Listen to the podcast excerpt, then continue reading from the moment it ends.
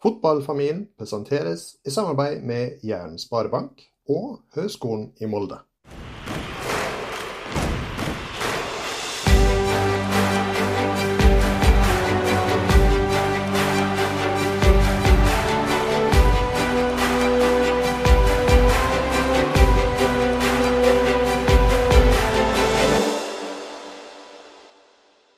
Velkommen til Fotballfamilien, en podkast for deg som er glad i fotball.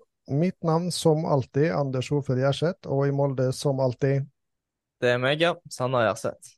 Du, vi må jobbe litt med introen, det begynner å bli veldig forutsigbar. Nei, jeg får mange kommentarer at folk begynner å bli lei nå. Ja, vi må friske den litt opp. Du, eh, da hjelper det jo at vi har med en, eh, det jeg vil velge å kalle en friskus av en eh, gjest i kveld. Eh, og du har jo bedt om å få lov å introdusere han, siden du er veldig glad for han med.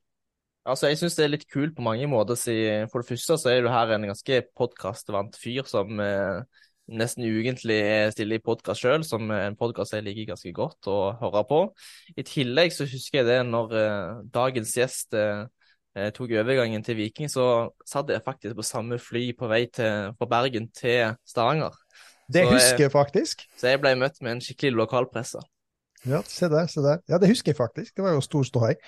Eh, ja, eh, da skal vi jo ikke drive og gå rundt grøten lenger. Eh, en eh, trønder, en moldenser og en hva skal vi kalle det, liksom-moldenser på samme podkast, det må bli bra. Velkommen til oss i fotballfamilien, Kristoffer Li Løkberg.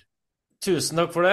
Eh, Jeg frykta et lite sekund her at du skulle be meg om å komme med innspill til en bedre intro, men det, det har jeg faktisk ikke, for det er min podkastmakker i Fotballrådet, Vegard Vågbø, som er programleder og introsjef, som har liksom rytmen på det. Så hvis dere ønsker, ønsker noen tips og triks, så vil jeg ha sendt på han en melding til å se om dere kunne ha fått sprita han opp litt, men eh, jeg, syns at det var greit. Altså, kanskje litt mer entusiasme fra Sander der. Når han blir spilt inn, så blir det veldig bra. Ja, du, det er noe med disse ungdommene, de er litt sånn flate av og til, altså.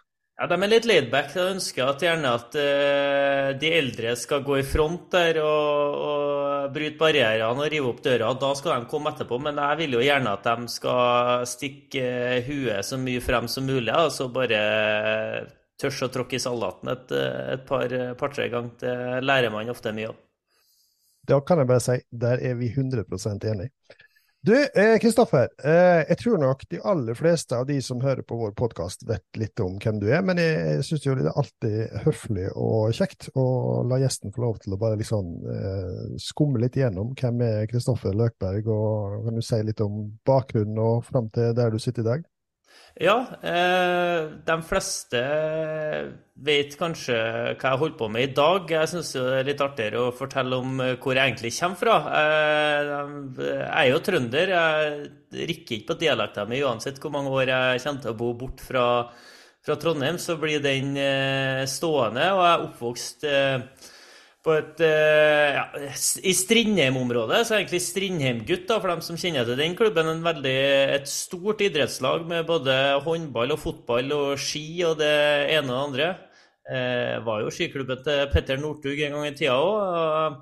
Strindheim, da, som jeg kan ja, si med at jeg er svært glad i den klubben her, for det har forma meg som menneske, egentlig. Det var en stor kompisgjeng eh, som spilte fotball sammen. Og så var det eh, bl.a. meg som var litt ivrigere enn noen andre. Da fikk jeg mine muligheter til å utforske hvor god jeg kunne bli i den klubben, samtidig som jeg fikk bevart eh, mine vennskap og mine bånd til dem jeg eh, gikk på skole med, gikk i klasse med. Og så balla det på seg, og da fikk jeg gå gradene til å bli A-lagsspiller i Strindheim.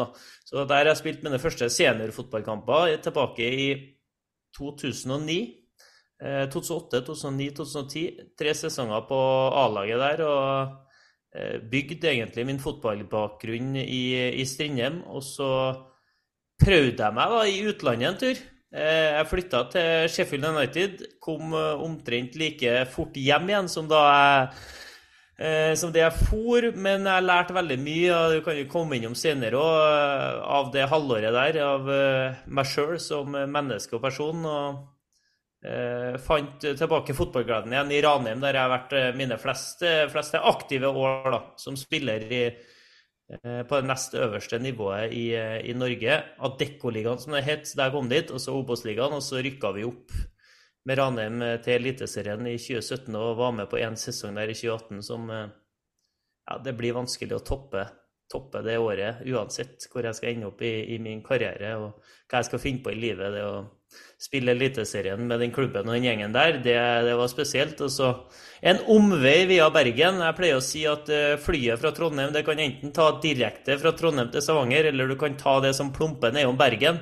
Jeg gikk av flyet én stopp for tidlig. Kom meg heldigvis eh, etter et halvt år på den eh, neste turen fra den korte turen da, fra Bergen til Stavanger og funnet meg virkelig til rette her og eh, trives eh, ekstremt godt i eh, den klubben her. Viking som har vært i fra 2019 og til nå, og eh, forhåpentligvis eh, en, en, reise som ennå bare er ja, om ikke halvveis, så er vi ikke helt i mål ennå, i hvert fall.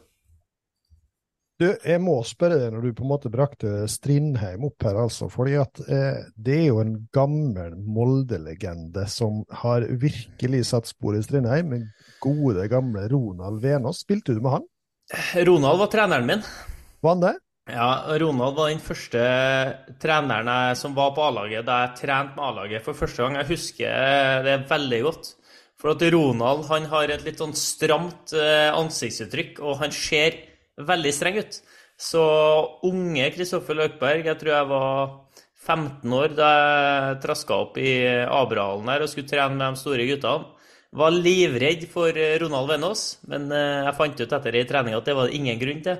Han var streng, han var tydelig, men han var en eh, veldig snill og varm og god mann. Så når han la handa rundt meg og sa at 'herre her, det får jo du til', du var jo kjempegod i dag, da vokser jeg om ikke 20 cm, så ganske, ganske større grad av selvtillit ved neste oppmøte pga. Ronald sine varme ord etter trening.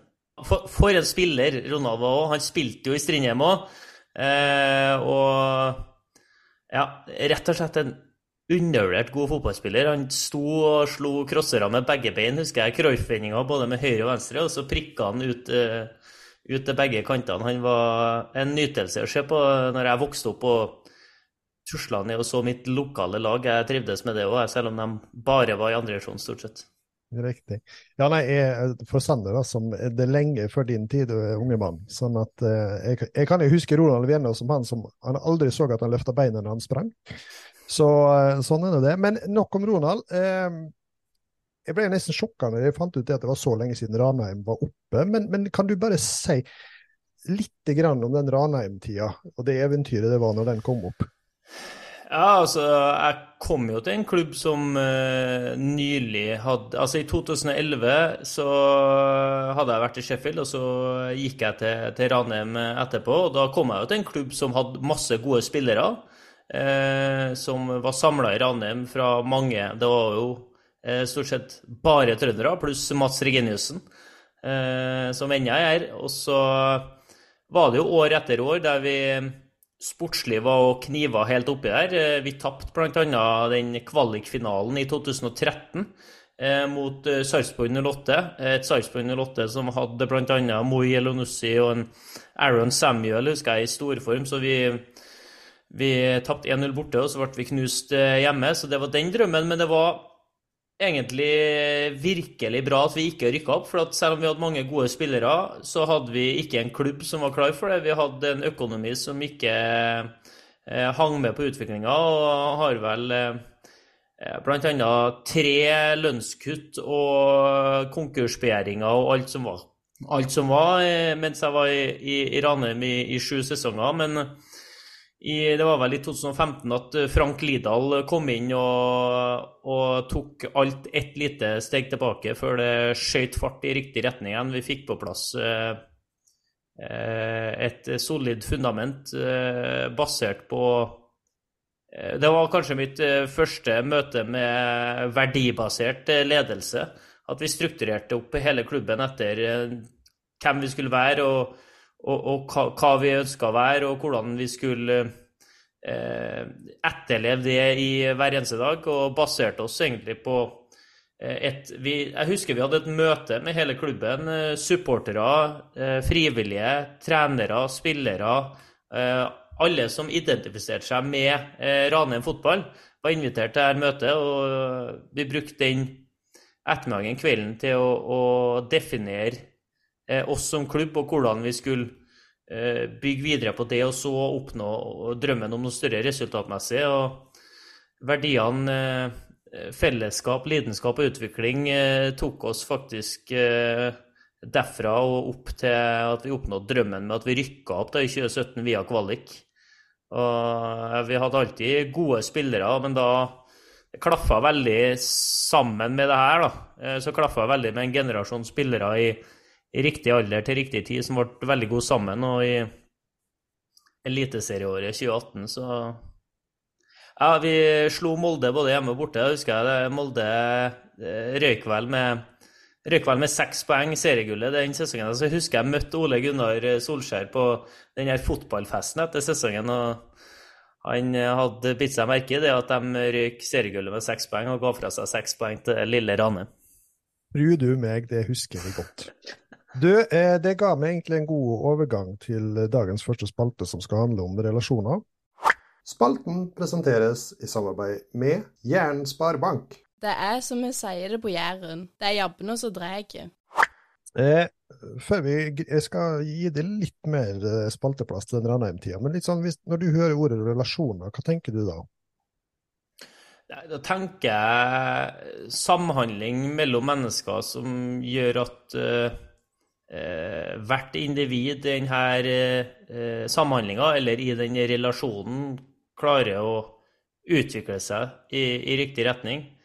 Klarer å få fram eh, kanskje mer enn det man er i stand til eh, alene. Eh, jeg er jo oppvokst med Nils Arne Eggen som mitt store forbilde, og der han snakker om at eh, hvert eneste individ på denne kloden har masse egenskaper inni seg, så spiller det ingen rolle om man ikke får ut det i form av ferdigheter eh, som kan være synlige og komme til gode for andre mennesker. Og jeg tror at eh, sterke, gode relasjoner får fram hele registeret til, til mennesker, enten det er på en bane eller utafor en bane. Altså, jeg syns egentlig det passer egentlig ganske fint med relasjoner og det, Kristoffer. fordi når du tenker på Ranheim, og så helt egentlig siden du kom fra, fra kom til Viking, så har det jo vært ganske mye mange oppturer. Og da, da, er det vel kanskje spesielt de relasjonene som har vært så sterke, som bidrar til det lille ekstra som at prestasjonene blir eh, så de er blitt. Er det noe du har bitt deg merke i, eller? Ja, eh, det er jo på en måte eh, min, en av mine fremste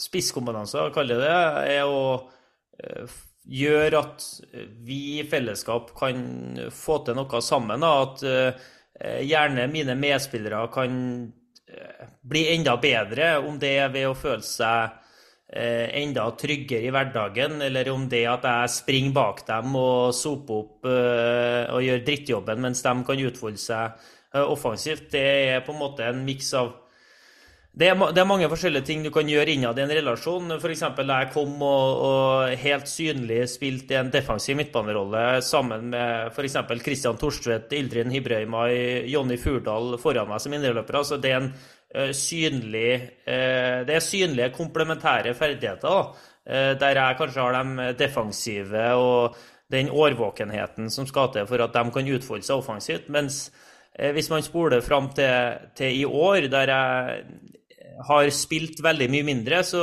så går jo eh, min rolle inn i laget ut på eh, noe helt annet. Det går ut på de relasjonene eh, og den, det samholdet jeg klarer å være med på å skape eh, i garderoben, i hverdagen, og det jeg klarer å gi de andre menneskene eh, utafor banen. Eh, så jeg blir Én ting er at man som fotballspiller er jo Eh, opptatt av å, å, skinne og det å gjerne få overskriftene i avisene og sånn, men jeg tror nok noe av det jeg er mest stolt over, er at jeg har ofte vært eh, en del av velfungerende lag og velfungerende garderober, og, og prøvd å ta min del, del i det. da. Det virker som du på en måte egentlig er en ganske sterk ledertype i et godt kollektiv, kan det stemme? Ja, jeg, jeg tar jo veldig mye ansvar, og til tider eh, kanskje for mye ansvar og for mye plass òg. Jeg har noen gang sagt det til, eh, til guttene at eh, de må si fra hvis det blir for mye. Eh, hvis jeg engasjerer meg i for stor grad i, i for mange deler av spillet eller i for mange ting som går på de avgjørelsene vi skal ta som lag, som gruppe, at andre ikke slipper til.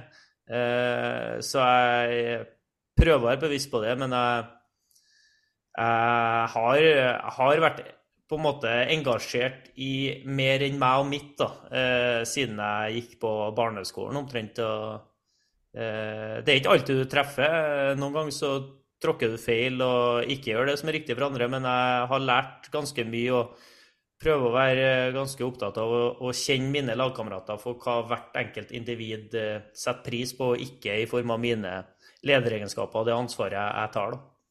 Er det noen gang at noen har kommet og sagt ifra til deg og, og gitt tilbakemelding?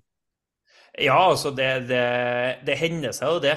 At uh, ja, nå orker ikke vi å høre noe mer fra deg, eller at jeg, jeg legger merke til at uh, det blir mye meg, da, så at jeg må lene meg tilbake og, og slippe det andre. Det, og, og, der har jeg jo stort sett ikke Jeg har ikke kommet i konfrontasjoner, men jeg kan jo eh, oppfatte eh, Ikke at det blir sagt direkte, men at jeg oppfatter på eh, deres Altså andres både kroppsspråk og, holdninger, nær sagt. Mm. Det, det, er ikke ofte vi har hatt gjester som på en måte bringer inn tema som verdibasert ledelse. Har du på en måte, altså har du noe utdanning eller lignende ting innenfor ledelse, eller er du liksom i en slags form for Er det noe du kan tenke deg å jobbe med? Ja, det er absolutt noe jeg kunne tenke meg å jobbe med. Jeg har vært med på et lederkurs én gang for mange år siden. Av noe som et engasjert byrå. Eh, i, Trondheim. Eh, utover det så har jeg ingen utdanning. Jeg har bare vært eh, eh, alltid nysgjerrig. Eh, veldig nysgjerrig på og bevisst på hva mine ledere har gjort, og hva mine ledere har gjort både riktig og feil for å, å motivere meg eller motivere andre, eller eh, utvikle meg eller utvikle store deler av gruppa. Så det, og så har jeg jeg er utadvendt og er glad i andre mennesker, så jeg har på en måte alltid engasjert meg i, i helheten. Altså det fra jeg var eh, Jeg pleier å si at eh, på fotballbanen så har jeg vært spiller, trener og dommer siden jeg var fem-seks år, da, så det er ikke alltid, alltid like positivt å ta på seg alle rollene med en gang, men jeg har vel klart å uh, funne ut hvilken rolle jeg skal ta til hvilken tid, uh, mer med erfaring. da tenker sånn til senere, eller videre på den senere, så vil jeg snakke mer om, om de framtid jeg syns uh, du kanskje har et lite trenerhode i deg av, av, det jeg uh, forstår. Og da er jeg jo sett, Du sier jo det at du er nysgjerrig til å ta til deg læring, og, og jeg føler ofte ser i hver Vikingkamp at du er og står og snakker med, med dine to trenere. Er det noe du aktivt bruker i hverdagen? Ja, jeg, er veldig heldig, for at jeg får være eh, Jeg er jo en del av kapteinsteamet i, i, Viking, og så har jeg to trenere som er eh, veldig inkluderende, veldig åpne. Eh, de er faktisk eh, også mottakelig for det jeg har å si, det er å komme. Eh, og det er jo egentlig ja, Det er jo egentlig hovedgrunnen også til at jeg valgte å signere en ny kontrakt til Viking, til tross for at jeg ikke har spilt så mye. Det er at jeg føler at Eh, jeg i min rolle får lov til å være meg sjøl og får lov til å bidra til at fellesskapet eh, tar nye steg, og at vi som lag og klubb kan bli bedre. Nettopp fordi at de to de tillater meg å være meg sjøl og få lov til å, å, å, spørre, få lov til å stille kritiske spørsmål, få lov til å komme med forslag. Eh, og, og, de er faktisk De tar meg til også råds overfor eh, valg de Eh, skal ta da, i løpet av, eh, i løpet av et helt år. Så, og jeg har jo opplevd andre ting òg. Jeg har opplevd eh, i større grad eh, at eh, ledere eller trenere eller hvem skal være, har sett meg og, og aktive og engasjerte meg som en trussel mer enn som en ressurs. da. Og, og det, det er da ikke like lett for meg å, å kunne eh, by på meg sjøl og, og, være meg sjøl fullt og helt da, hvis de rundt meg skal se på meg som en trussel istedenfor en ressursperson som de kan bruke til, til gruppas beste. da. Mm. Jeg tenker jo litt sånn, nå, som sagt, jeg har jobba mye med folk i mange mange år og, og vært borti mye ledere både på den ene og den andre sida av bordet. Jeg mener jo på en måte helt klart at ledelse er i utgangspunktet ikke noe du kan lære deg. Altså Enten så er du en ledertype, eller så er du ikke. Eh, det er mange gode, eller det er mange som prøver å være ledere, som blir litt sånn administratorer og, og misforstår hva ledelse handler om. men Veldig mange av de gjestene vi har hatt med, har jo snakka om trygghet og tillit som sånne grunnpilarer i et fotballmiljø, eller som relasjonelt sett eh, uansett. Og for meg da, Kristoffer, nå har jeg jo ikke akkurat møtt deg personlig, men alle de ulike situasjoner og kontekster jeg har sett deg i, så framstår du jo som et veldig genuint menneske, hvis du forstår hva jeg mener med det. Altså, du, du byr på deg sjøl, du er ekte, du viser følelser, du, du viser tilstedeværelse. Alle de faktorene som egentlig er viktige grunnpilarer for å skape trygghet i og, og, og, og i relasjon til folk. Um, så jeg syns egentlig det er et fint tidspunkt å spørre deg i forhold til det Sander brakte på bane, det med trenerrollen. Er det noe som du aktivt søker? Jeg tror det blir vanskelig å unngå å prøve. Jeg tror jeg kommer til å Hvis jeg sitter og er 50-60 år og ikke tester meg sjøl i trenerrollen, så kommer jeg til å angre. Eh, så endelig nå, da, om en måneds tid, skal jeg få tatt B-lisensen. Eh, jeg skulle egentlig ta den tilbake i 2017 og eh, bli ferdig med den, for det er det siste du kan ta før du faktisk er nødt til å være praktiserende i hverdagen, og da kan du ikke spille lenger. Så den skal jeg få tatt nå endelig i i november, og da er man iallfall utdanningsmessig på, på, riktig vei. Men jeg, jeg, er ekstremt nysgjerrig på hvordan jeg hadde klart meg i en sånn setting. og jeg har ganske stor selvtillit på det området at jeg tror at det skulle ha passa meg veldig fint òg. Jeg, jeg, har ekstremt stor respekt for at det er komplekst, det er krevende. Eh, det finnes veldig, veldig mange dyktige eh, trenere rundt om i Norge. Det finnes bare flere og flere som, som går den tunge, harde veien med utdanning og eh, prøver å komme seg opp og frem i, i treneryrket. Men jeg, jeg, tror at jeg har det som skal til for å kunne trene et lag på toppnivå i Norge. Det tror jeg. Det her er noe jeg vil høre mer om, men eh, nå skal ikke jeg eh, ta av sporet her. Men du er jo en del ekspert for NRK. Er det noe sammenheng i dette, eller? Eh, det er veldig lærerikt, eh, det å kunne jobbe fra eh, Altså litt fra den andre sida. Og sitte på TV-skjermen og, og, evaluere og analysere og, og se kamper med litt andre øyne enn bare underholdningsøyne.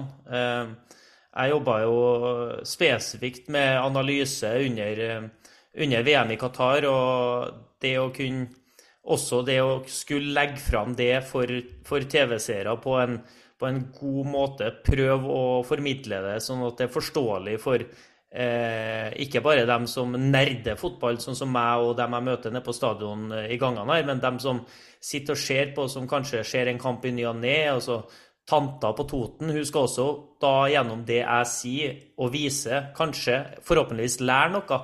Eh, så det å jobbe med, med, fotball på TV på den måten eh, håper og tror jeg skal kunne gi meg en fordel når jeg eh, forhåpentligvis en gang prøver treneryrket, også med måten jeg sjøl kan agere på eller reagere overfor den når TV står på andre sida av meg igjen, da, da vil jeg i større grad ha forståelse av Eh, deres vinklinger, deres meninger, deres måte å framstille ting på osv. som gjør at uh, istedenfor å kanskje få steile fronter i, til tider, kan vi heller samarbeide, og jeg kan prøve å, uh, å få fram mitt budskap på min måte, uh, selv om de ønsker å vri og vente på det på, til, til, sitt. Da.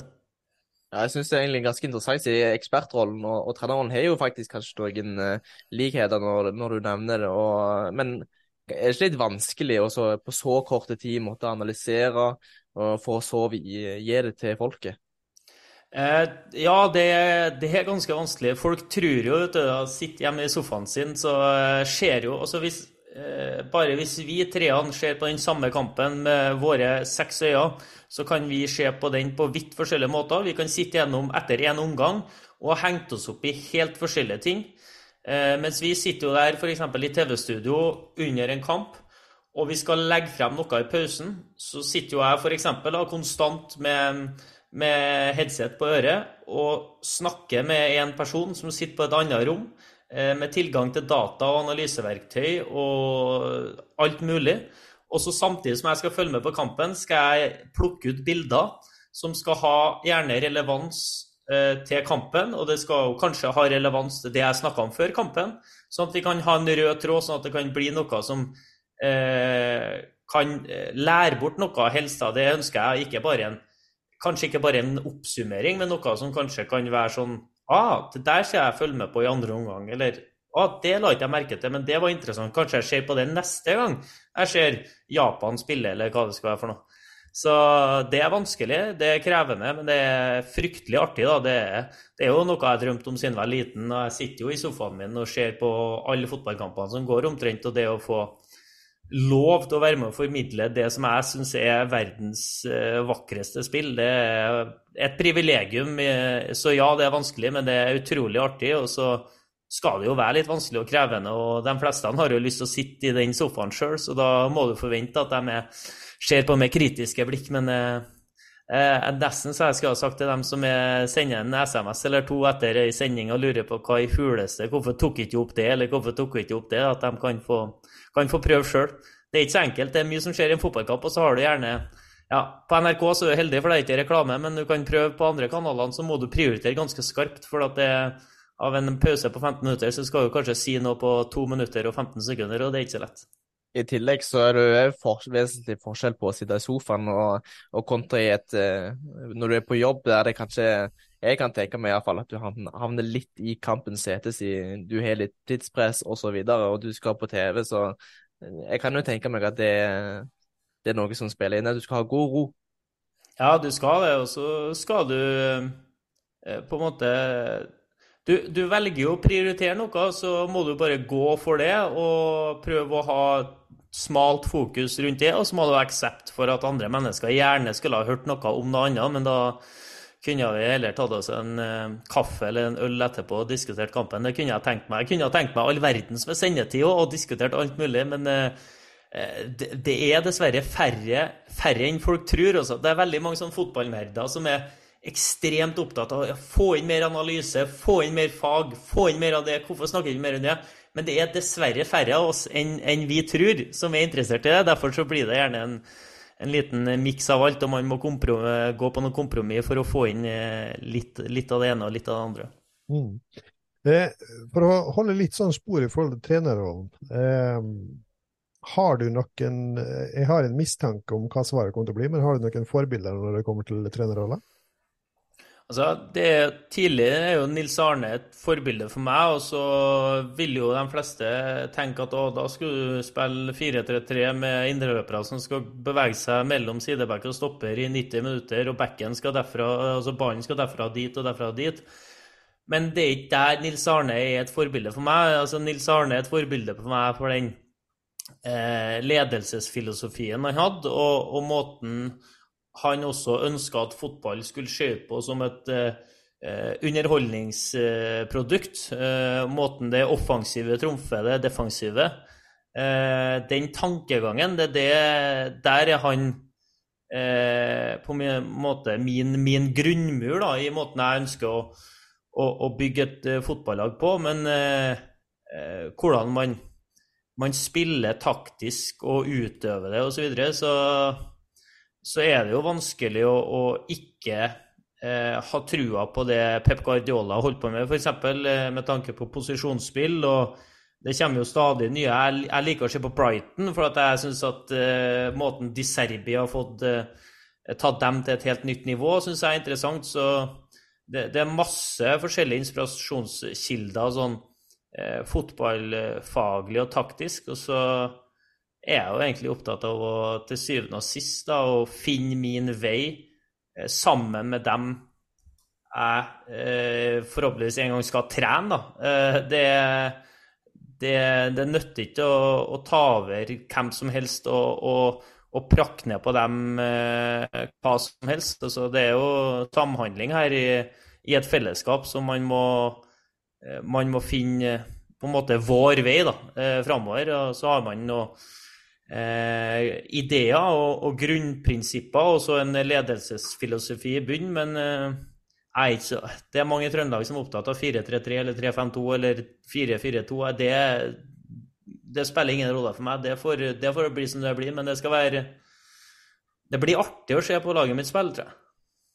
Det høres eh, slik ut. Jeg synes det er veldig artig når du på en måte trekker fram de du trekker fram. fordi at klart, Nils Arne Eggen har jo et ekstremt ambivalent forhold til i kraft av at han sørga for en ørkenvandring av de sjeldne for oss som ikke holdt med Rosenborg. men det er jo ingen tvil om det, det er vanskelig å, å, finne en trener som har satt et større preg på norsk fotball enn han. Og, og i likhet med deg så syns jeg det er utrolig spennende måten han tenkte rundt mennesker og relasjoner på, og brakte det inn i fotballen. Og, og det vi ser også med Guardiola, ikke sant? Om, om han har en annen type tilnærming, så er jo liksom denne nysgjerrigheten og drivet og hele veien utvikle lagene sine videre og ikke bli fornøyd med noe som er veldig spennende.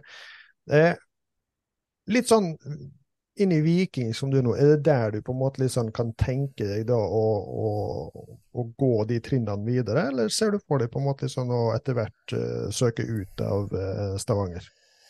Eh, jeg er jo veldig glad i å være her. Jeg trives veldig godt. Jeg vet at jeg får en mulighet til å jobbe i klubben hvis jeg ønsker det. Og det setter jeg veldig pris på, at jeg har den tryggheten om at jeg jeg vet at jeg kan legge skoene på hylla og få lov til å, fortsette her og, og, utvikle neste karriere, men eh, eh, vi får se. Jeg, jeg, er jo fra Trondheim, jeg er glad i Trondheim. Samboeren min er fra Trondheim. Vi vet at eh, mest sannsynlig så skal vi nå bosette oss der på sikt, men, men fotballivet er jo litt uforutsigbart. Du må noen gang eh, ta de mulighetene som, som dukker opp, osv. Så, videre. så eh, gjenstår det å se om det blir Eh, det trygge, enkle her, eller om det plutselig dukker opp noe man må skikkelig ut av komfortsonen for å, for å prøve seg på, eller hva det skal være. Men eh, jeg er, veldig, jeg er veldig glad for at jeg har funnet meg en klubb som jeg føler meg så hjemme i, eh, som jeg har blitt så glad i, som gjør at jeg eh, har en, en, trygghet og en trivsel i bunnen som eh, sørger for at jeg For å si det sånn, selv om kontrakten min er i ferd med å gå ut, så sover jeg Altså, Den er ikke det nå, da, men når det blir, så sover jeg godt om natta, for at jeg vet at eh, mulighetene ligger der. Ja, Det høres litt ut som at du begynner å få litt uh, Ikke kontroll, men at du kan se på det litt mer hva du skal gjøre etterpå, da. Men er det sånn hvor, tid, hvor lenge ønsker du å holde på med fotballen? Tar du et år for omgang, eller har du noen noe tanker i hodet? Altså, jeg har egentlig alltid sagt at kroppen min den kommer til å holde så lenge jeg gidder. Eh, så lenge jeg orker å stå i det, så lenge jeg tar de ekstra treningsøktene, så lenge jeg eh, gjør det lille ekstra for å unngå skader og, eh, og trene godt, så, så har ikke jeg noe problem med å skulle spille ganske lenge til. Men for meg handler det mer om å finne den naturlige timinga for når det, når det passer. Jeg orker ikke å reise rundt og spille bare for å spille. Eh, det må gi meg noe. Det må være Jeg må føle at jeg er en del av noe større, noe givende. Eh, om, om jeg skal reise til en klubb og, og, og, tyne ut et par år bare for å eh, holde liv i spillekarrieren, så tror jeg ikke at det hadde gjort meg noe. Men jeg tror, tror da kunne jeg heller ha gått ned et par nivå for å ha vært en del av en klubb som kanskje hadde vært lignende som det jeg var med på i Ranheim, f.eks., enn at jeg bare skulle ha jeg hoppa på en klubb i Eliteserien som eh, ja, eh, blir mellom eh, åtte og tolv og spiller bare for å spille. Det, det, det jeg er med på i Viking nå, er veldig givende for meg. Til tross for at jeg ikke får spille så mye, så er det veldig givende for meg. Jeg føler meg som en viktig brikke. Og så kan jo plutselig dukke opp noe annet som appellerer til nysgjerrigheten min, og der jeg fortsatt kan være en viktig spiller i en klubb som eh, ønsker å gjøre ting eh, for å oppnå noe større, eller ønsker å, å, å starte på en, en, eh, et prosjekt, eller å, der jeg, de ser for seg at jeg kan være en viktig bidragsyter for at de kan ta de neste stegene.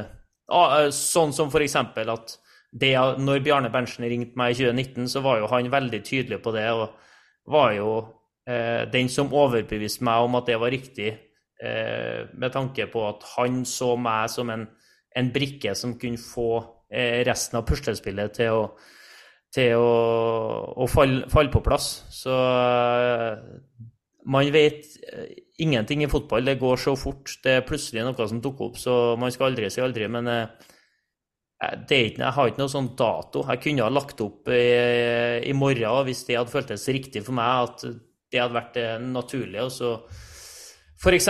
gått all in på, på, trenerrollen og sett hvor langt jeg skulle kunne komme. For det, det, er mange trenere i verden, og de er jo ikke så gamle alle sammen heller. Så man må, hvis man bestemmer seg for det, så må man tørre å gå all in der òg. Så har jeg litt TV-jobbing i tillegg, så jeg vet ikke. Eneste jeg vet, at jeg, jeg, trives så godt med fotball, så fotball blir det på en eller annen måte. Men jeg har ikke noe sånn her Jeg må spille til 38 for at så lenge holder kroppen. Da, jeg tror jeg skal finne inn en naturlig god timing på det. Om det er om eh, ett år eller om eh, fem år, det er for tiden hvis. Mm. Eh, før vi beveger oss over på neste spalte, så har jeg lyst til å, spørre deg litt. Fordi det, det, det, virker jo som om du er en mann som lever og ånder for fotball 24-7. Hvordan eh, er relasjoner utenfor fotballen? Nei, jeg har et uh, veldig bra samboerskap. Tror jeg sjøl, i hvert fall. men uh, hun, er, hun, er, ikke så happy, hun heller, når jeg kommer hjem på søndagen nå, f.eks. Og jeg er ikke så interessert i å prate, jeg er ikke så interessert i å gjøre noe som helst. Jeg sier til hun at uh, her, jeg legger meg på sofaen, og her blir jeg liggende til langt utpå natt. Jeg får ikke sove uansett, så du kan bare gå og legge deg. Så, akkurat da så er ikke jeg kjempetrivelig å være sammen med, men uh, relasjonene utenfor banen det er jeg i hvert fall superhappy med, for at vi har et uh, samboerskap nå, har vært sammen i sju år. Uh, vi skal gifte oss. Ennå ikke, ikke begynne å grave om når, for at det er jeg fridde for ett og et halvt år siden og vi ble forlova og tenkte egentlig 2024, men 2024 kommer jo plutselig neste år, og vi har ikke planlagt noe, så det blir eh, sakte, men sikkert. Men eh, jeg er ekstremt takknemlig for at jeg har hun, så at det ikke bare er fotball. For hun er ikke så interessert i fotballen, og det priser jeg meg lykkelig over. For at jeg, jeg må ha noe annet å tenke på. Det høres veldig klokt ut. Jeg eh, kan bare si det et godt råd fra en som jobber med det. Eh, ikke vent for lenge med å sette datoen, for de blir veldig utålmodige. Men, eh, nei, men det er bra. Men, men utover samboerskap, da, hva, når du på en måte lever ånde så mye for fotball, blir mesteparten av de relasjonene som er viktige for deg i fotballsirkuset, på en måte? ja. Eh, det er vel ikke veldig mange som jeg ser på som er venner som ikke har noe med fotball å gjøre. Eh, det er ikke sikkert de spiller lenger, men de vennene har jeg fått gjennom eh, tidligere fotballrelasjoner, altså i oppveksten der fotball var midtpunktet og vi var samla rundt det. Og samme nå òg. Det er jo dem eh, jeg deler garderobe med, som jeg drar og spiller golf med, som jeg ser en kamp med på kveldene, eller som vi finner på noe, noe annet. Og når vi har eh, frihelger, så jobber jeg jo stort sett med landslaget og drar til Oslo og møter andre folk som har med fotball å gjøre. så det, det, er veldig sjeldent at jeg treffer mennesker som eh, gir blanke i fotball. Altså, jeg skulle kanskje ønske at jeg hadde to-tre rundt meg som der jeg visste at ok, hvis jeg ringer han i kveld, så så kommer ikke til å vite at vi har spilt mot Tromsø på søndag en gang. Da trenger ikke å Det er ikke noe fare for at det temaet kommer på banen, så kanskje jeg skulle ha hatt flere av dem. Ja, ja. Det kan bli for mye, vet du. Det, vi skal bevege oss over på neste spalte, som skal handle om motivasjon. Spalten presenteres i samarbeid med Jæren Sparebank det ble naturlig for oss å plukke ut det temaet i dag, for jeg, jeg, kan ikke tenke meg noen bedre å snakke om motivasjon med enn en løpsmaskin, en terrier som eh, plager livet av alle på motstanderlaget, og som åpenbart er så viktig del av et miljø. Eh, hva tenker du rundt på en måte liksom, motivasjon? Hva driver deg? Det som driver meg, er å oppnå noe sammen med andre mennesker som jeg er glad i. Eh, det at vi sammen, gjennom alt vi gjør fra tidlig januar til, til desember, skal klare å oppnå noen av våre mål. Da. Det driver meg, og jeg kjenner også det driver meg nå når jeg er blitt eldre og eh, altså Jeg har jo ambisjoner, men jeg har jo ambisjoner på vegne av klubben jeg er en del av. Eh, det å se eh, unge gutter, unge spillere med eh, litt av de samme drømmene og eh, ambisjonene jeg hadde da jeg var yngre, at de sakte, men sikkert tar de stegene her. da, og eh, F.eks. når Sondre Auklend kommer inn og scorer i helga, så kjenner jeg på en sånn syk glede. For at uh, han, han, har jeg kjent i flere år nå, som har stått og stanga litt og vært mye nesten og vært en del skader og sånne ting. Men jeg, jeg vet hvordan talent det er, og etter hvert, etter hvert, så har han lært seg å legge ned litt av den eh, jobben som kreves. Og da kjenner jeg at det, det gleder meg helt uh, sinnssykt da, at han uh, er i ferd med å knekke noen koder og kan lykkes. Mm. Vi har da pirka litt sånn i begge sjefene dine når vi har hatt med de som gjester, og drev og lagt litt press på de i forhold til gullet. Nå eh, fikk det en lite skudd for baugen sist. Eh, hvordan eh, er stemninga i Viking nå? Er, liksom, er, motivasjonen klar for å ta opp kampen om gullet, eller har dere resignert? Eh, gullet har nok eh, seilt eh, opp til Bodø, dessverre. Vi har hatt som mål etter den enorme rekka vår å prøve å plage dem eh, hele veien inn. Og sørge for å henge på som en klegg hvis de, eh, hvis de skulle gå på noe, noe blemmer. Men eh, etter fjorårssesongen så var det ganske klart at vi måtte opp og stabilisere oss på et høyere nivå igjen. At 2021-sesongen der vi tok eh, bronse, ikke skulle være et blaff. Og vi var egentlig enige om at når høsten kommer, så skal vi være i posisjon Eh, til å kjempe om noe. Vi skal være i posisjon til å komme oss tilbake på de plassene som kan gi oss en mulig Europacup neste år. Og den posisjonen er vi jo fortsatt eh, i. Så motivasjonen er ekstremt stor, og sulten er ekstremt stor for å klare å, å kapre en av de plassene. Og så eh, vil jeg heller si at det var, var drømmen om et seriegull. Den eh, røyk for nå, eh, den lever helt til jeg legger skoene på hylla. Den drømmen kan eh, ingen ta fra meg noensinne. Men eh, målet og ambisjonen lever fortsatt i beste velgående. Og det å kapre en plass til å kunne spille Europa neste år. Ja, Når du legger opp, så regner jeg med du mener som trener òg, eventuelt? Ja, jeg, jeg, jeg, sa jo det breialt til noen at jeg skulle vinne Eliteserien både som spiller og trener. da. Eh, jeg husker ikke det var noen år siden at jeg sa det til noen kompiser, så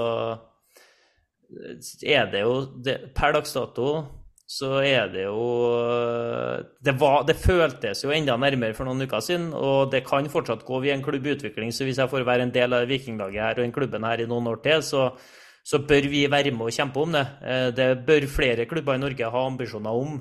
Når vi ser måten Bodø-Glimt har kommet seg til toppen og, og, og, stabilisert seg, så er det mulig for klubber som eh, har de ressursene eh, vi er i ferd med å, å få, selv om vi er et stykke unna Molde og Glimt ennå. Og Brann bør også ha ambisjoner og drømmer om å, å kunne vinne et gull eh, oftere enn hvert eh, ja, det er jo, det er snart 20 år siden igjen at de, de vant, så de òg bør jo klare å å få litt fart på skuta. Vålerenga er jo et evig kapittel osv. Så, videre, så så de ambisjonene er jo til stede. Men eh, jeg har bedre tid, i hvert fall, da, eh, som trener enn en spiller.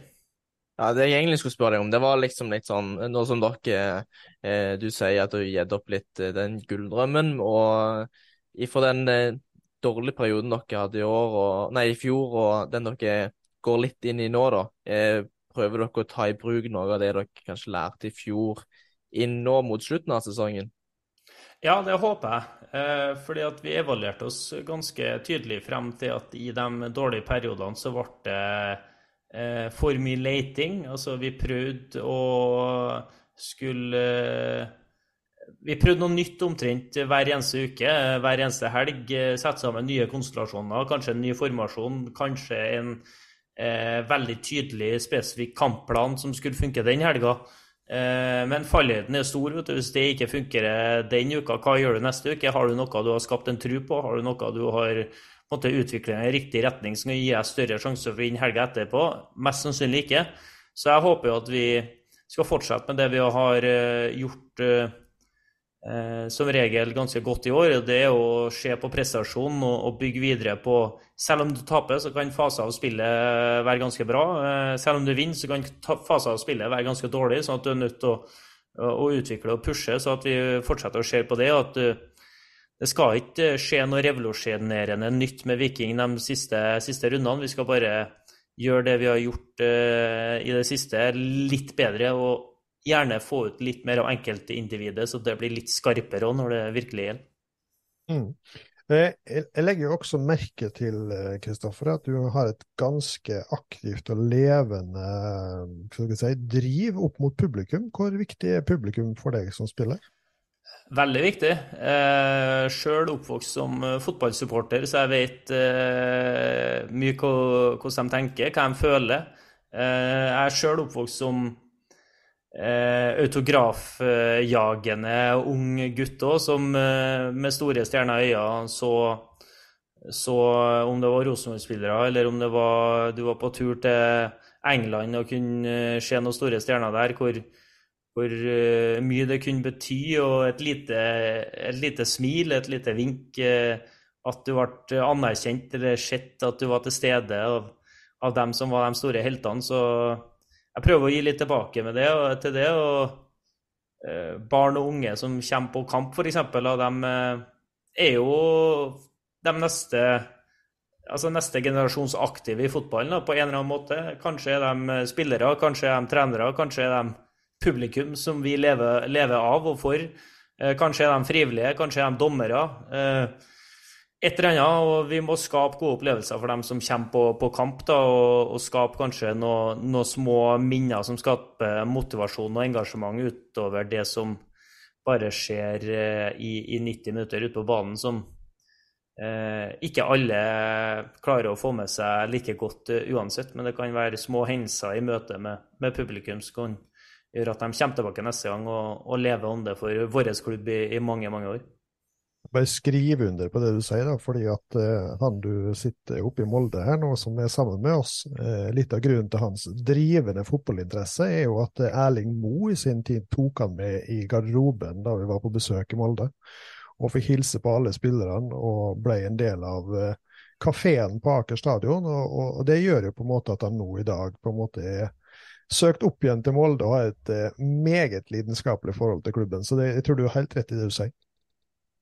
Der, ja. Jeg, jeg, mist, jeg mista mikrofonen i bakken, men jeg, jeg, jeg, tror liksom at det skal så lite til. Da. Det er en oppfordring til alle som er aktive i fotballen, at det koster så lite for oss å, å glede så sinnssykt mye. Altså det, det er ikke, ikke skyld på at det tar energi, eller at det eh, mister fokus eller bla, bla, bla. Det, det, er snakk om Det kan være snakk om fem minutter som kan gi en, et barn eller et, en voksen òg, for den saks skyld, en opplevelse som gjør at man knytter sterkere bånd og får masse tilbake. Og jeg syns Viking, eh, hvis du tenker i Norge iallfall, så syns jeg jo egentlig at når eh, Viking er slag og det går bra sportslig, så føler jeg det Da går alt bra. Sant? Og det er ingen klubber som er verre enn Viking når de er i form, både på og utenfor banen. Men når du kommer til perioder hvor det stanger litt mer imot, hvordan er det dere som spillere føler Føler dere noe ekstra ansvar for å ta vare på publikum og det som ennå står igjen når det går dårlig, eller hvordan er, hvordan er det? Eh, vi fikk testa oss litt i, i, fjor på akkurat det der. Eh, vi var jo omtrent det dårligste laget i Norge en periode. Vi, vi vant jo ikke uh, uansett hvor mye vi prøvde og hvor hardt vi jobba, så, så, gikk det imot. og Det er jo ikke like artig da, men vi prøvde å, å se dem i øynene og ha en dialog hvis vi var mulighet til det. Vi prøvde å eh, egentlig å gi tilbake på den samme måten som vi gjør nå, da. Selv om det er jo ikke like lett. Altså, alt er jo mye lettere i medgang. I, eh, da flyter eh, omtrent eh, absolutt alt. Men jeg følte at det var ganske mange i garderoben som fortsatte å prøve å stille opp på ting, eh, være utadvendt, være imøtekommende. og så eh, er ikke Jeg vet ikke. Det var nesten bedre å spørre dem som sto på andre sida, hvordan de følte at vi var da. For det, det er ikke så lett å se det sjøl fra innsida. Men eh, som alle, alle, klubber har jo utfordringer med det at når det går bra, så så fyrer man på alle sylindere og, og, er imøtekommende og, og skape møteplasser for alt og alle hele tida. Når det går dårlig, så skal man gjerne lukke det inn, og man skal ha liksom kun fokus på seg sjøl og gjerne gjøre minst mulig da, for å, for å i, i, i hermetegn holde fokus på det sportslige. Men jeg, jeg, tror ikke at det alltid er veien å gå. Da. Du må tørre å, å by på deg sjøl. Du må tørre å eh, være åpen og imøtekommende også i dårlige tider. For det er ikke noe, det er ikke noen motsetninger. Det er ikke sånn at fordi at du eh, skaper blest rundt et arrangement, eller fordi at du prøver å skape en, en, en publikumstilstelning den ene gangen, og du taper, så handler ikke det om at du prøvde å gjøre noe annet enn bare en, en uh, enkel uh, fotballkamp og gjøre det. Ikke møte pressen og ikke møte fansen i det og det tidspunktet. Det, det, det tror ikke jeg på at det alltid er en sammenheng. Så jeg håper folk uh, og klubbene blir enda flinkere til å by på seg sjøl, enten i sosiale medier eller overfor de supporterne som kommer, selv om det ikke alltid går like bra sportslig. Mm. Jeg har jo skrytt nok av ganger om eh, jobben både Viking som klubb har eh, gjort for å bygge relasjoner til publikum, og, og også skrytt av stemninga på, på eh, Stavanger, i Stavanger en senere tid.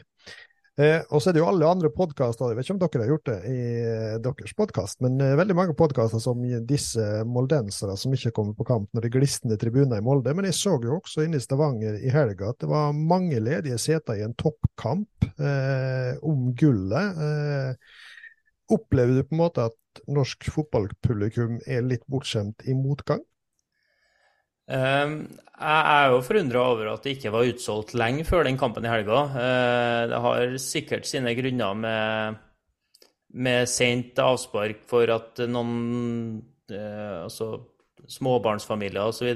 ikke tar med ungene sine når kampen starter 1915 osv. Men eh, jeg er jo forundra over det, og folk skal jo alltid ta fram når det er lite folk i Molde. Men du kan jo se på prosentandelen av befolkninga som faktisk dukker opp på kamp, så er det nok eh, høyere enn her og høyere enn eh, i, i Oslo spesielt, og, og, og, x antall andre plasser. Så jeg tror at uh, man liker jo å disse hverandre og, og ta fram det. og både på den syngende delen av supporterne så ser jeg jo i sosiale medier at hver gang det er glissende en plass, skal ta fram det. Men uh, de fleste har nok eh, best av å ha fokus på seg sjøl og skape et godt supportermiljø der man er, og det er jo i ferd med å, å, bli veldig bra veldig mange plasser. Det er jo et voksende miljø, men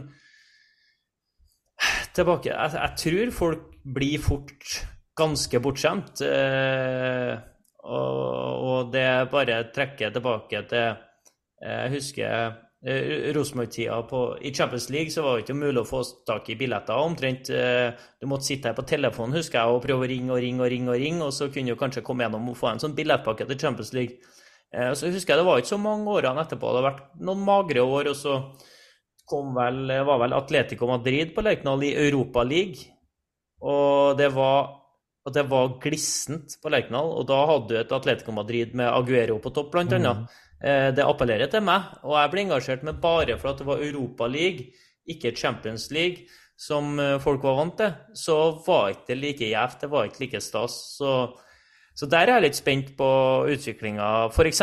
i, i Bodø er jeg imponert over at de har klart å holde opp et relativt eh, bra trykk på, på den gjennomsnittlige kampen, for å si det sånn. Da, at folk fortsatt møter opp og er støttende oppi der. Men over tid, når man skaper seg visse forventninger, så, så, setter man eh, standarden bare høyere og høyere for eh, hvilke opplevelser publikum ønsker å, å, å være med på òg. Så det blir spennende å se. Det, det, er jo en stigende og en positiv trend i norsk fotball, ja, men jeg syns det var litt skuffende få, eh, at det ikke var utsolgt til oss. Det, det skjønte ikke jeg. Jeg tenkte det skulle bli utsatt lenge før den kampen. for den Uansett hvordan du vrir og vender på så var det jo en, eh, var en toppkamp. og Tromsø er jo et kjempegodt lag som er artig å se på òg, så det, det, var litt merkelig. Jeg håper folk har eh, funnet ut av at eh, da kan ikke man sitte hjemme, i hvert fall. Det endte jo ikke positivt for oss, men det må jo ha vært relativt intenst å være på stadion, sånn at de skjønner at de må kjøpe seg billetter til de to siste hjemmekampene, i hvert fall.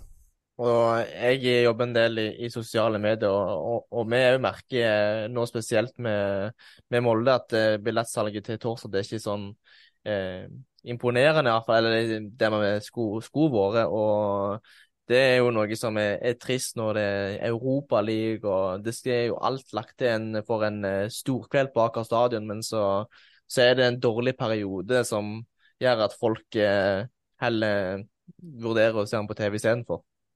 Ja, det går ganske fort, det der, virker som, og det, det, er synd, da. Men jeg eh, prøver å være mer opptatt av dem som kommer, enn dem som ikke kommer. Så jeg, jeg vil heller eh, dele ut en eh, stor blomsterbukett til alle som møter opp i, i vind og regn og sure høstdager, enten det er på Aker stadion oppe i Bodø eller Sandefjord eller til oss. Så dem, eh, dem, setter vi pris på, i hvert fall. At, eh, og vi ser dem. Vi ser dem også på stadion til oss som sto her i fjor, som fortsatt står der i år. Eh, det må jo smake sinnssykt godt når det snur, å være dem som har stått gjennom de tunge dagene òg. Og det mm. f.eks. at det, det, er rart å si at det er tunge dager for å være, å være Molde-supportere når man ligger der man ligger og har en cupfinale i desember, da. Men hvis det er det, så, så har de hatt det behagelig de siste årene. Det er vel det samme som Rosenborg, ikke sant? En kjemper med sin egen uh, tidligere historikk. Uh, og det, jo, det, gjør jo på en måte at en fort blir litt plassert. Så, sånn er det jo bare. Men jeg har lyst på en måte litt sånn et par andre spørsmål jeg har lyst til å, å Når jeg først har det med her, Kristoffer. Blant annet uh, når vi først er inne på publikum. Hva syns du om sånne typer bannere som på Åråsen i, i, helga, med Geir Bakke som blir hengende fra galgen? Er det innafor, eller er det utafor? Jeg, jeg, må innrømme at jeg tok meg sjøl og flire når jeg så den her. For at det, det, var Det er jo veldig spesielt. Det er ganske kreativt tenkt. Det, det henges opp ikke tilfeldig rett før pause og når de skal gå inn over spillertunnelen. Så her har de jobba godt. Og jeg personlig syns at det er innafor. Eh, og når man ser hvordan den kampen gikk ellers Jeg har ikke hørt om noe veldig mye bråk i forbindelse med den kampen. og ikke, ikke sett noe stygge scener heller. Så hvis man klarer å holde seg til det, så må jo alle være fornøyd, tenker jeg. Hvis man klarer å holde budskapene sine til, til banner eh, før, under, etter kamp, og så la det være med det, så, så lever jeg godt med at våre eh, supportere eh, markerer seg på den måten istedenfor å markere på mye verre måter utafor banen. Ja, og når vi først er inne på det, for grunnen til at jeg tar det opp, er jo at det her er jo egentlig litt sånn hjertebarn for min del. da. Fordi eh, jeg syns jo det er Altså, jeg har vokst opp med rivaliseringa mellom Molde og Rosenborg, ikke sant. Jeg har eh, måttet løpt ifra eh, å bli for juling i Trondheim, og jeg har sett eh, trøndere måtte gjøre det samme i Molde. Så det er sånn som går begge veier. Men jeg tenker litt sånn eh, Det var jo også en litt ulik innfallsvinkler i Stavanger når Veton Berisha kom i, i, sommer. Vi var jo til stede der. Eh, og jeg synes jo eh, Å kaste monopolpenger, det syns jeg er klassehumor. Eh, og eh, noen av de bannerne syns jeg vel kanskje ikke nødvendigvis er like smakfull og intelligent eh, lagt opp. Mitt hjertebarn ligger først og fremst i hva slags signaler det vi sender bl.a. til barn og unge eh, om hva som på en måte er greit. For vi står på en måte på den ene sida og fronter mot og, og eh, ikke mobb kameraten min osv. Og, og så på den andre sida så legitimerer vi ganske krasse budskap i en verden som ikke akkurat flommer over av positive nyheter. Er liksom fotballen en friplass der alt skal være lov? Ja, nei, det er det ikke. Og der tar du opp noe som er veldig viktig, og som er ekstremt vanskelig òg, syns jeg. Fordi at eh, eh fotballen eh, tjener òg veldig mye på de her, det der fotballhatet. Eh, den rivaliseringa her, den skaper F.eks. ta en klubb som Lillestrøm, har jo ikke hatt noe spill for siden midten av august omtrent. Eh, og så får de så skal jeg møte Vålerenga hjemme, og det er som en cupfinale. Det er som en begivenhet som uh, omtrent de er på fylla for enda nå på tirsdag. Så koser de seg med den seieren, og det var uh, Det redda på en måte sesongen deres, da. Uh, og, og, det hadde jo ikke vært noe uten det her fotballhatet som man skal få lov, da, spør du meg, til å, å, å strekke relativt langt på en positiv måte. Men hvordan snakke det er, nesten, det er, jo vanskelig. Hvordan, hva sier man til sjuåringen sin som er med på kamp, som sitter på motsatt side, som ser liksom Der er det heng, en som er hengt, da. Eh, så, så, hvordan man forklarer det her, det er ikke lett. Og det er også en ting man må ta inn over seg, dem som er med på å skal være med å sette de standardene for hvordan rammene rundt kamp skal være. Da. Og så må man da forhåpentligvis Det jeg skulle ønske at man kunne ha vist liksom til denne sju-åtteåringen at etter kampen så er man venner. Eh, hadde man kunnet fått sett flere bilder av etter kampen, så er det ok, nå er blest av. Nå jeg og du er mennesker som bare holder med forskjellig klubb, og nå,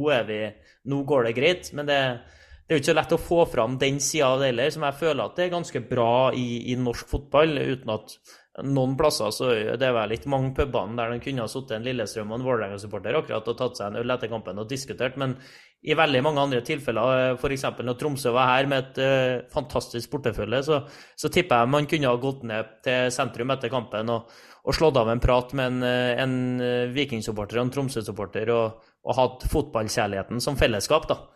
Mm. Uh, så Nei, det, det, er vanskelig. Det er ikke lett, for at uh, det fotballhatet det bygger opp en interesse og en lidenskap, det òg, som vi ikke må miste. Men et sted må jo grensa gå, og så er det jo hvor skal grensa gå? Balansert vel veldig i nærheten av uh, hvor den bør gå på søndag. Ja, jeg syns jo du er en ypperlig eh, person som sitter med en fot i alle leirer. Både media og, og som eh, supporternes mann og som fotballspiller sjøl, så har du på en måte egentlig en ganske kraftfull stemme som du kan bruke til å fronte gode holdninger. Så jeg er jo helt enig med den skal ikke miste rivalisering. Og, og det er klart, det, det, er jo det som på en måte skaper de magiske opplevelsene på stadion. Eh, og så er det litt sånn som jeg har sagt eh, i en del tidligere podkaster, jeg har hatt gleden av å gå på kamp i Stavanger siden 2001. Eh, og de siste to årene, de første to årene der jeg har faktisk hatt ubehagelige opplevelser etter kamp. da. og, og jeg ser på en måte at ting som tidligere har vært eh, egentlig bare kun ting vi har sett i utlandet, er i ferd med å komme litt her til lands òg. Så det er en smal, smal balansegang, altså.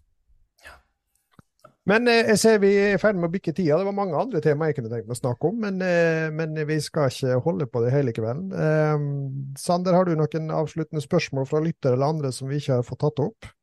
Nei, jeg syns vi har kommet inn på mange av de underveis i podkasten. Ja. Jeg må iallfall si det, Kristoffer, du var en usedvanlig trivelig fyr å prate med. Eh, jeg, jeg, har jo på en måte som sagt jobba lenge med folk, og det er noe med du, du lærer på en måte å se litt hva slags personlighet folk har. Og jeg må si det, du kommer til å bli en meget bra fotballtrener, det er jeg helt sikker på. Ja, vi satser på det, altså. Vi satser på det. Ja, du, du, har liksom de fotballspillerne som sier at ja, jeg hadde vært kjekt å jobbe med noe innen fotball, men, men det jeg føler er at eh, jeg har trua på at det, er noe som kan skje. Bare husk det, du, du, du, hørte det fra oss først. Jeg hørte det her først. Ja, det er bra. Jeg har lyst til å på en måte bare spørre det siste spørsmål. Hvordan var det å være med oss i kveld? Det var veldig trivelig.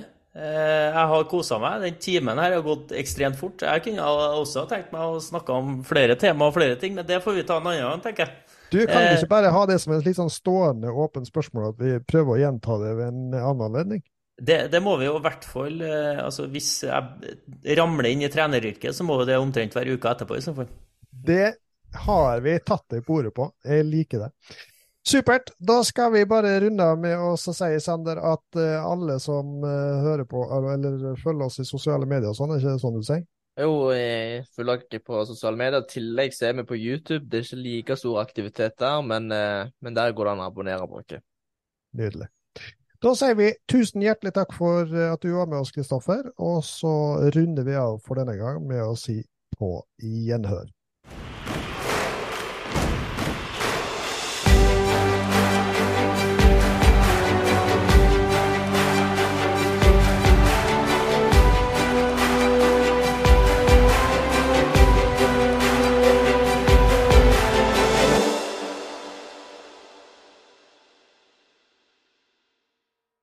Fotballfamilien ble presentert i samarbeid med Jæren Sparebank og Høgskolen i Molde.